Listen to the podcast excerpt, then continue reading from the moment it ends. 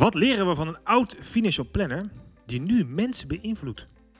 En in dat licht, hoe werkt de Simple Question Strategy eigenlijk? En misschien ook wel aardig om te weten, hoe krijg je mensen nou eindelijk echt eens een keer in beweging voor hun pensioen? Je luistert naar de NNK is Kennis en Kansen podcast. Vandaag met mij, Michiel van Vught.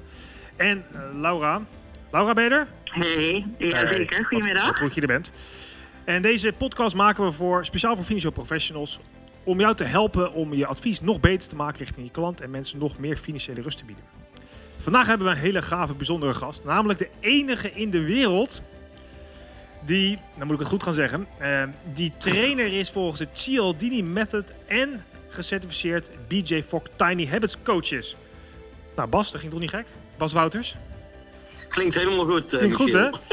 ja, ja. perfect. Dus jij bent zowel die, die enige in de wereld die dat uh, is, maar daarnaast ook nog oud financial planner. Nou, dit behoeft een klein stukje introductie. Um, vertel eens, waar uh, kennen we je van? Wat doe je? En nou ja, dat soort dingen. Ik denk dat de meeste mensen mij inmiddels kennen van het boek Online Invloed, wat in april is verschenen en gelukkig vaak verkocht is. Um, in mijn carrière, ik ben ooit in de financiële wereld begonnen, financieel planner zoals je al zei. En uh, ergens een afslag gemaakt. En toen ben ik uh, in de online marketing uh, beland. En vanuit daar kwam mijn fascinatie voor gedragspsychologie. Als je namelijk mensen in een online omgeving, maar ook offline, dingen wil laten doen die jij wil dat ze graag doen, dan is daar meer dan 100 jaar wetenschappelijk onderzoek ligt daarachter. Dus daar hou ik me inmiddels mee bezig met trainingen en consulting op dat vlak. Ja, en het is heel grappig, want uh, als je jouw boek leest, en Laura heeft het laatst nog helemaal doorgrond. Het is eigenlijk best wel bizar dat hoe weinig daar gebruik van maakt, gemaakt wordt in de, in de dagelijkse wereld. Ja, het wordt natuurlijk wel gebruikt, maar je, als je het goed inzet, al die inzichten, kun je je klant echt helpen. Hè? Precies. En ik denk dat je hier ook meteen iets goed zegt helpen. Want ik vond dat wel een mooi punt in het begin van jullie boek, uh, Bart. Dat het gaat over, uh, is het wel ethisch verantwoord? Gaat het dan, is het echt overtuigen of is het misleiden? Misschien kun je daar ook wel iets over kwijt. Ja, dat is altijd een beetje de olifant in de kamer op dit onderwerp. Ja. Um, nou kijk, de basis is natuurlijk, het is wetenschappelijk, wetenschappelijke onderzoeken die aantonen hoe wij ons gedragen. Nou, daar is op zich al niks ethisch van te vinden. Het gaat over de toepassingen die je ermee kunt doen. En onze stelling is heel duidelijk. Uh, je moet het ethisch toepassen. Recentelijk is er ook nog een heel groot onderzoek geweest. Uh, dat aantonen dat het onethisch handelen, dat een bedrijf de medewerkers verplicht tot onethisch handelen. Dat een van de grootste kostenposten is uh, in het bedrijfsleven. Doordat mensen daar stress van ervaren en dus ziek worden. Maar ook dat mensen van het bedrijf gaan stelen. En dan niet bijvoorbeeld uh, een pen en een niet-machine meenemen. Maar juist stelen in tijd. Oh, uh, ik, ik ga wel een uurtje iets anders doen. Oh. Dus uh, tweeledig naar je klanten, maar ook in je eigen belang. Wij adviseren het moet ethisch zijn. Maar als iets daadwerkelijk bijvoorbeeld het laatste van iets is, dan vindt jouw klant het prettig om te weten. Want dan weet hij dat er echte tijdsdruk is om te beslissen. Want anders zou iemand anders het misschien kunnen hebben. Maar zit daar ook niet een, uh, een soort. Uh, ik, ik weet niet of dat waar is, hè, maar je gaat natuurlijk van die geruchten. Als ik op booking.com zit, die, die uh, als we dit opnemen toch al niet al te beste nieuws zijn overigens. Maar dat, dat daar staat, ja, pas op, er kijken nu twintig mensen naar deze kamer en er zijn er nog twee beschikbaar. En dat, de vraag is of dat helemaal zo waar is. Is, is dat ook, of is, weet je daar niks van eigenlijk? nou ja, je slaat eigenlijk de spijker op zijn kop. Want Booking.com wordt daar altijd onder vuur genomen. En ik ken toevallig een aantal mensen daar. En ik weet bij Booking.com wordt er alle hemel en aarde bewogen om die data 100% te laten kloppen. Dus wat je daar ziet staan, daar kun je vanuit zijn dat klopt. Daar zit zo'n geavanceerde algoritmes achter. Dus ja, ja. Nou, het werkt namelijk wel, want ik kan me nog herinneren dat ik een keer in Thailand, uh, naar Thailand wilde. En toen zag ik een leuke hotelkamer, maar er was er nog één beschikbaar. En ik oh, snel meer al gebeld. Ja, er is er nog maar één beschikbaar. Ja, dus je gaat, dat, je gaat dan wel, uh, ja. Ja, ja. ja, precies. En dan staat er nog mooi bij. En 10.000 anderen vinden het een fantastisch hotel. Nee, daarom, ja. Nou, dan, uh, dan heb je het al gekocht. Ja, precies. Ja, ja mooi hè. Ja, we herkennen, herkennen het allemaal wel. Um, die, eh, die, die, eh, die invloeden die er zijn en hoe je dus eigenlijk daar beïnvloed wordt. Maar ja, goed, beïnvloed is wat Laura ook al zei, het gaat om helpen. Um, maar uh, um, ja, Lau, jij, had al, jij hebt het boek net gelezen. Wat, wat viel jij nou het meest op? Nou, het meeste. Nou, dat, nee, dat vind ik echt wel een hele ingewikkelde vraag. Ik moet oh. eerlijk zeggen dat uh, de mensen, mensen die luisteren. Ik heb echt een unit van een samenvatting voor mezelf gemaakt. Meer om uh, onze eigen website en onze eigen communicatie te verbeteren. Uh, dus ik vond heel veel dingen waanzinnig interessant. Um, en ik zou zeggen, als je het boek nog niet hebt gelezen meteen eentje kopen. Want het, het mooie van het boek is dat er heel veel um, uh, praktijkvoorbeelden uh, ja, in worden opgenomen. Dus je ziet meteen, nou, ze hebben bijvoorbeeld een brief van de KLM hebben ze onder de, onder loep genomen. Wat kan nou beter en waarom is dat dan? Dus dat vond ik wel, dat vond ik gewoon opvallend. Maar we hadden het net al over die, bijvoorbeeld die schaarste. En uh, heel vaak denk je natuurlijk echt in, in ja, in, het, in aantallen bijvoorbeeld, hè, in aantallen van producten. Er zijn nog maar twaalf stoelen beschikbaar. Er is inderdaad nog één uh, suite beschikbaar, ja, waar Michiel blijkbaar dus heel gevoelig voor is. um, maar het kan natuurlijk ook gaan over um, hè, meer het, resultaat van het, uh, van het product. En uh, in het boek werd dan als voorbeeld gebruikt, hè, bijvoorbeeld over crème of rimpelcrème om je huid te beschermen. Uh, en ik maakte dan meteen een link natuurlijk naar de financiële branche. En zeker naar, naar jullie die luisteren, de financiële adviseurs. Hè, dat kan bijvoorbeeld ook dan gaan over, over je pensioen. En hoe langer je wacht met het of als je het um, in je klantcommunicatie zou gebruiken, hè, hoe langer u wacht met het regelen van uw pensioen, hoe minder u kunt opbouwen. En zo kun je gewoon spelen met ook taalelementen, waardoor mensen toch het gevoel hebben van hé, hey, wacht even, dit triggert iets bij me. Um, uh, en daar kun jij denk ik wel iets over zeggen, Bart. Ook over die uh, risico-aversie. Bas is dat het, vond ik ook Bas. wel heel interessant. Deze, oh, Bas, sorry. Bas. Excuus. Ze vergeven, Laura. ja, ik kan er zeker iets, iets over zeggen. Um, ja, schaarste is um, de, een beetje de krachtigste externe motivator die we hebben. Als iets schaars is, neemt ons verlangen naar datgene enorm toe. Um, terugkijkend inderdaad, juist, er zijn in de basis twee manieren om schaarste toe te passen. Uh, iets wat in aantallen, hè, we hebben nog maar zoveel stuks, of iets in tijd. Hè, deze aanbieding is nog maar een dag geldig. En jij schetst het net mooi, maar schaarste kan ook naar de toekomst zijn. Van je hebt een bepaalde tijdsperiode nog maar. Een pensioen past daar heel goed bij. Maar een andere, uh, omdat, waar ik de luisteraar graag een tip wil geven. Er zijn nog twee andere zaken um, om schaars te creëren. Kijk, je kunt niet zeggen we hebben de laatste hypotheek of dit is de enige polis om je pensioen op te gaan bouwen. Dat is er nu eenmaal niet. Dus jij gaf net al een heel goed voorbeeld. De schaarste in tijd die ze hebben om op te bouwen. Maar wat kan de luisteraar nog meer doen? Je kunt vertellen wat uniek is aan jezelf, je product, je dienst of service. Of een combinatie van die vier facetten. En iets wat oprecht uniek is, is dus direct ook schaars. En als iets schaars is, neemt het verlangen daar naartoe. Daar zou ik de luisteraar graag over na willen laten denken. En een tweede, en wij beschrijven het als een uh, een apart principe in ons boek, maar dat is loss aversion. Onderzoeken tonen aan dat wij twee keer zo gemotiveerd zijn om verlies te vermijden dan om winst te pakken. En daar hebben we talloze voorbeelden van. Maar een tip voor de luisteraar zou bijvoorbeeld bij het oversluiten van een hypotheek kunnen zijn. En vaak presenteren wij de voordelen naar een ander. Dus dan zeggen we, als je nu je hypotheek oversluit, bespaar je 100 euro per maand.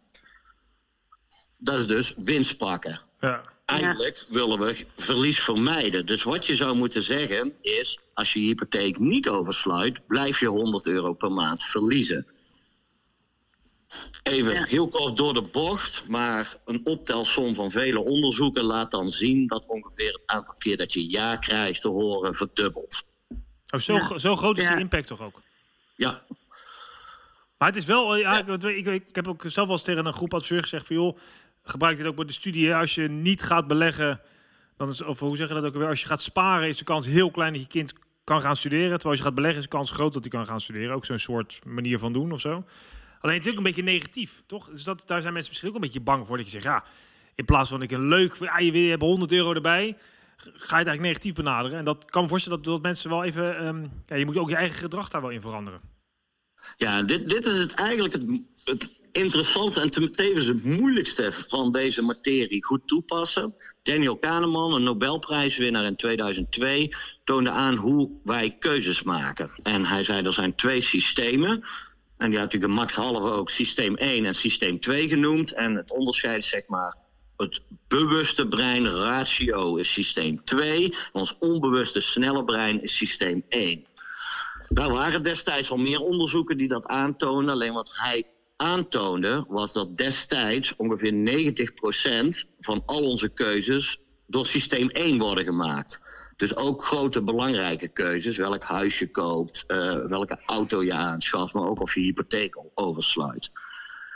En we zijn geneigd om mensen te overtuigen met rationele beargumentatie, maar dit is systeem 2. En nu komt het allermoeilijkste. Precies wat jij zegt, jouw gevoel wat je er nu bij krijgt, dan ben je het door aan denken, rationeel aan het overwegen in systeem 2. Alleen op het moment dat die klant de keuze aan het maken is, is de kans groot dat systeem 1 aan het roer staat. Ja. En je moet dus eigenlijk vanuit systeem 2 naleren denken, hoe kan ik systeem 1 beïnvloeden? En dat proberen wij in ons boek daar ook veel handvatten voor te geven. Uh, met name ook bijvoorbeeld checklist achterin. Dan kun je eigenlijk op rationeel niveau een vraag stellen. Maar het antwoord op die vraag zal systeem 1 dus triggeren. Maar zo zien we heel vaak ook in consultingwerkzaamheden. Dat is heel moeilijk voor mensen, want je, bent je hebt de neiging om het te gaan rationaliseren. Terwijl die persoon die een keuze gaat maken, niet in die ratio-modus zit. Ja, precies. Ja, ja, ja dat is precies. Dat is wel interessant. Hè? Je moet dus eigenlijk. Ja, dus het gekke is ook dat je leer je ook helemaal niet op school, hè? Nee, nee, dat vind ik sowieso een bijzonder aspect. Als je kijkt hoe waardevol dit is. Ik, ik zeg altijd, als je heel goed bent in anderen te laten doen wat jij wil, dan zul je zakelijk wellicht succesvoller zijn, maar persoonlijk ook vaak gelukkiger, omdat ja, het leven loopt lekker uh, zoals jij, jij wil dat het loopt. Mhm. En het is bijzonder hoeveel kennis hiervan van menselijk gedrag is en dat daar ja, nauwelijks uh, echt aandacht aan wordt besteed. Bijvoorbeeld Cialdini komt wel voorbij in studies, maar er wordt nooit echt diepgaand op ingezoomd. Ja, en dat is eigenlijk jammer, zeker nu in zo'n branche waarin uh, je bent financieel, je bent zelf financieel adviseur geweest en wil mensen natuurlijk helpen om een nog beter leven te kunnen leiden en uh, of dat ze een bepaalde levensstijl kunnen behouden. En je zou dit dus juist op een super mooie manier kunnen toepassen op je website, in je, in je misschien je e-mailcommunicatie. En dan zou je er wel voor zorgen dat mensen wel gaan nadenken over hoe ze hun vermogen moeten opbouwen uh, of behouden. En het zijn juist, het is gewoon een super mooie strategie wat je kunt inzetten. En dat wordt dus niet gedaan. Dus uh, ik hoop ja, ook door middel van deze podcast dat, uh, dat meer adviseurs het wel gaan oppakken. Want je kunt met zo, zulke simpele aanpassingen kun je denk ik al best wel veel um, ja, iets, iets positiefs verrichten. Dat is wel heel gaaf. Absoluut. En uh, dan wil ik daar nog één voorbeeld op geven. Hier haak ik nog even in terug naar het ethische. Je zegt je wilt die klant helpen inderdaad het inzetten van deze materie en je maakt oprecht een compleet financieel plan, waardoor diegene als er iets gebeurt uh, goede dekkingen heeft, maar ook zijn vermogen opbouwt, zodat hij de dingen kan doen die hij later wil binnen een betaalbaar plaatje. Dan is die klant ook heel blij. Dus wij zeggen op ethisch vlak, creëer win-win situaties. Als de klant blij is, dan mag jij daar ook voor betaald worden. En dan zal die klant wellicht ook nog met plezier betalen. En, en, dan zijn deze technieken heel goed te gebruiken en ook heel ethisch, mijn inzien, want iedereen komt er uiteindelijk beter uit. Ja. Even een interessant voorbeeld. Ik weet dat dat luisteraars uh, uh, vaak fascineert. In de financiële wereld heb je natuurlijk gigantisch veel producten. Hypotheken, pensioenen, overlijdensrisicoverzekering, arbeidsongeschiktheidsverzekering, de opstal, de autoverzekering. Ga maar door. En waar zijn we genegen online, vanuit onszelf, dat is niet alleen de financiële wereld, dat zien we overal. Wil je graag vertellen, kijk eens wat ik allemaal kan en kijk eens wat ik allemaal te bieden heb. En wij beschrijven in het boek het model van BJ Fogg. En uh, dat is het behavioral model. Verklaart heel simpel hoe gedrag tot stand komt. En een van de facetten is een prompt. En een prompt is iets dat vraagt om het gedrag. Maar online, door alles te laten zien wat je biedt, heb je heel veel prompts. Ja. En dan raakt het systeem 1, wij vergelijken het met een kind van 7, verwacht. Denk maar naast je een kind van 7 als je die nu in één keer tien taken geeft, is de kans groot dat er nul taken worden uitgevoerd. maar zo werken we dus ook online. Nou, we hebben een test gedaan bij een bekend automerk. Die wilde proefritten uh, aanvragen. Deze staat niet in het boek. Dat was hun doel. Alleen ze, lieten alles zien. En conversie naar proefritten 0,4 procent. Dan hebben we de één prompt strategie toegepast. Dus om één gedrag vragen, site herzien. Uh, toen ging de conversie naar 8 procent. Dus, dus een stijging van 2000 procent in het resultaat door het verminderen van je mogelijkheden in het momentum. Natuurlijk moet je die mogelijkheden laten zien, maar je moet analyseren hoe komt iemand bij mij en waar is hij dan naar op zoek en dan moet ik hem datgene laten zien. Ja. ja. Dus en hoe zou je dat dan, want je bent zelf financieel adviseur geweest, zou je zo als je probeert even uh, spontaan over na te denken. Van, als je die websites weer voor je ziet van, uh, van financieel advieskantoren, wat, wat zouden ze daarin dan beter kunnen doen, denk jij? Ik denk dat je wij stellen altijd eerst de vraag: wat is het gewenst gedrag? Dat is altijd uh, toch vaak moeilijk voor mensen. Ja, ik wil meer omzet. Maar meer omzet is al geen gedrag. Dus het zijn micro-gedragingen die jij wil dat je klant laat zien. Nou, online wereld gaat het vaak om het genereren van een afspraak. Die afspraak vindt plaats dan wel fysiek, dan wel met een videocall. Dus ik denk dat de luisteraars moeten gaan kijken waar adverteer ik of waar komen de mensen binnen? Zijn die in Google naar hypotheek op zoek en koop ik dan het klikje? Dan moet ik een pagina laten zien die over de hypotheek gaat.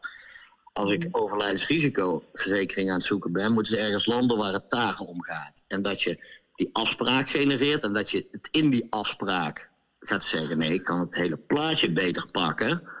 Mm Dat is de vervolgstap. Door het online dus simpel te houden, zul je dus in dit geval meer leads genereren. Maar Bas, is het dan ook zo dat als je een, een nieuwsbrief schrijft, of uh, ja, die, die stuurt naar je klanten. Wij hebben zelf, wat ik zeg, ik heb de neiging. Als wij een uh, nieuwsbrief maken met ons uh, bedrijf, dan we zeggen, nou weet je wat, we zetten er wel drie, vier, vijf onderwerpen in, want we hebben echt zoveel gave dingen te melden. En overal een knopje naartoe van nou, ga naar de pagina. Is dat dan een beetje hetzelfde? Is dat dan ook too much information? Kan je beter elke dag een mail sturen met een los onderwerp? In plaats van één keer per week vijf. Het is natuurlijk, je kunt niet iets zwart-wit afkaderen, maar al zou ik even eerste advies zou zeker ja zijn. Je kunt beter vijf keer per dag. Dat is ook A, de kracht van dat kind van 7, systeem 1, uh, door je vaker te zien, gaan we je meer waarderen. Systeem 2 zou zeggen, ik zou het irritant vinden, maar toch, doen, ge, toch gebeurt er iets anders in ons hoofd. Ja. En uh, om één gedrag vragen, zul je zien dat meer mensen dat gedrag gaan betonen omdat het, ja, het, het, maken van het iets simpel maken en ook maar om één prompt, dus één gedrag vragen, dat uh, is in de basis conversieverhogend. En daar ook weer aansluitingen. We hebben dus bij BJ Fogg de prompt. Motivatie moet voldoende hoog zijn. En ability beschrijft hij. Het moet makkelijk genoeg zijn. En als we dus nu over een één prompt strategie hebben. En we gaan nadenken, kan ik het nog makkelijker maken voor mijn klant? Uh, een ander voorbeeld staat wel in ons boek van SimCity. Die wilde een spelletje ja. verkopen. En uh, daar stond een banner boven. Als je nu pre-ordert, krijg je bij de volgende bestelling 20 euro uh, extra korting. Nou, denk je, nou, dat motiveert dan om meer te gaan bestellen. Wat bleek, toen die afleiding gewoon weg was en er alleen maar stond bestellen, steeg de conversie met 43 procent. Oh. En, en dan krijg je dus een ethische lading. Als je dingen makkelijker maakt voor mensen, is in mijn optiek heel ethisch, want daarmee wordt het ook gewoon makkelijk. Alles wat makkelijk is, vinden we als mensen ook prettig. Hm, ja. Ja, dat vond ik trouwens ook al. Dat zat volgens mij ook een beetje meer in het begin van het boek. Um, uh, en dat, dat werd een beetje in. Uh, dat ging hand in hand met het hele ethisch verhaal. Is het overtuigen of misleiden? En dan hebben we het over. Het is, je moet het zo zien dat je eigenlijk mensen echt aan het enthousiasmeren bent. Hè? Als we het nu hebben over uh, klanten van financieel adviseurs, nou, die zijn misschien inderdaad getriggerd door een bepaalde advertentie of uh, een advertentie op LinkedIn bijvoorbeeld over hypotheken. En ze nemen al de moeite om uh, daarop te klikken en ze komen op jouw website. Nou, en als je website gewoon zo inricht zoals het in jullie boek wordt omschreven en waardoor het gewoon makkelijker voor hen gemaakt wordt om een afspraak te maken, ja, dat is inderdaad die win-win situatie. Want er staat ook in jullie boek iets over dat uh, wij mensen geven gewoon snel op als het een beetje moeilijk wordt. En dat herken ik ook al bij mezelf. Als je ergens een whitepaper wilt downloaden, maar je moet je eerst nog registreren, je moet dit en dat doen, zus doen. Het is niet duidelijk vindbaar. Ja, dan denk je, laat maar zitten. Want je bent gewend dat het op andere websites natuurlijk heel snel gaat en makkelijk. En uh, dus ik denk dat in die zin, daarom is het wel heel belangrijk voor de luisteraars om toch even een keer die website onder de loep te nemen. En uh, ja, even te kijken op welke punten je het nog uh, beter kan doen voor je klanten.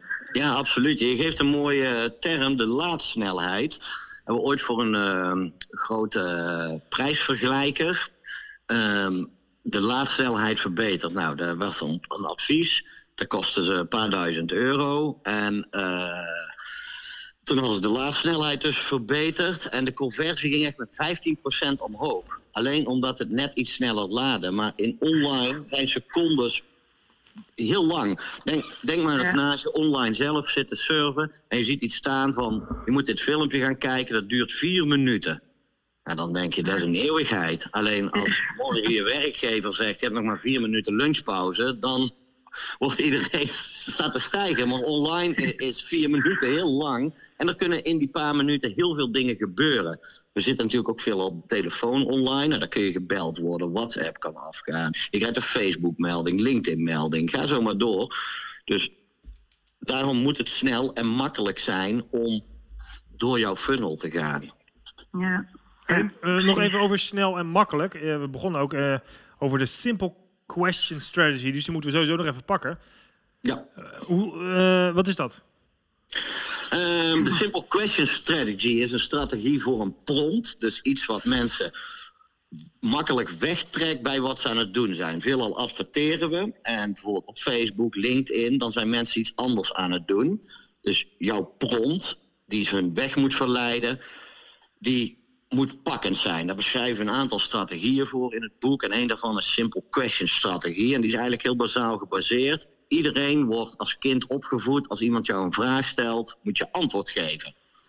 En als die vraag simpel genoeg is, dat dat kind van zeven hem kan beantwoorden, zullen wij heel snel die vraag willen beantwoorden. Er zit iets in ons systeem, dus gaan we de funnel in van die gebruiker. En dat kan een simpele vraag zijn: welke kleur iPhone vind je het mooiste, zwart of wit? Maar het kan ook zijn: uh, spaar je voor je pensioen? Dat is al misschien een enigszins. Hè? Wil je elke maand min, wil je minder betalen voor je hypotheek? Wil je lagere lasten? Zoiets simpels moet het zijn. En dan staat er een button onder: ja, nee. Nou, als, dan gaan mensen snel naar die ja klikken. En dan kom je dus op je landingspagina. Dus die simple strategy werkt in een online omgeving heel goed om mensen ergens uit te halen. En vervolgens het gedrag laten zien wat jij wil dat ze uh, laten zien. Hm. voorbeeldje daarvan hoe wij het ook toegepast hebben, of Joris eigenlijk uh, met zijn oude bureau Buyer Minds bij bol.com. Reviews is natuurlijk in een online omgeving enorm belangrijk. Uh, dat herkent iedereen ook bij zichzelf, dat, dat we daar naar kijken. En bol.com wilde meer reviews en die stuurde bij elk product een review uh, mail uh, uit. En toen zijn ze gaan testen met de simple question strategy. Dus ze kregen een mail, niet beoordeel dit product, maar wat vond je van dit product met drie antwoorden. Hm. En uh, nou, het aantal kliks daarna, dus het review achterlaten, viervoudigde. En uiteindelijk haalden ze het dubbele aantal reviews op. Door net je hoe vraag je om het gedrag om dat net te wijzigen? Bizar hoor. Ja, geniaal. Ja. Echt geniaal. Maar zijn jullie ook soms niet bang dat als je, want eh, jullie passen die strategieën toe, uh, of uh, jullie raden dat andere bedrijven aan, ben je niet bang dat dat straks steeds meer beseffen, steeds meer mensen beseffen hoe dit, hoe dit werkt en hoe ons gedrag werkt, dat het dan niet meer werkt? nee, nee, nee, want ik, ik hoop juist dat steeds meer mensen er bewust van zijn, zodat uh, de mensen die het echt, echt onethisch toepassen, uh, dat daar een bewustwording ontstaat van, ho, ik moet opletten. Maar gezien hè, evolutie en hoe ons brein is ontwikkeld, uh, systeem 1 willen ze ook nog wel eens hè, met het reptiele brein vergelijken. Dat is zeg maar gewoon ons onze basiskern. En zolang die aan het mhm. stuur is, die wordt niet slimmer. Dat kind, ik zeg wel, dat kind van zeven wordt niet ouder. dus ja, zo, zo zal gedrag uh, blijven ontstaan. Wij worden wel slimmer in een ander deel. Die systeem 2 wordt steeds slimmer en slimmer en slimmer. Alleen systeem 1 dus, ja, die, wordt, die wordt niet ouder. Dus zo zal wel gedrag blijven ontstaan. We zien natuurlijk wel dat technologie steeds meer de overhand neemt. En ja, de materie die we beschrijven werkt op mensen. Nog niet op robots, zeg maar. Dus daar zou nog wel een, eh, een business case van te maken zijn. Maar, maar ik ben niet blij dat mensen het gaan, gaan, gaan begrijpen en dat het daar niet door werkt.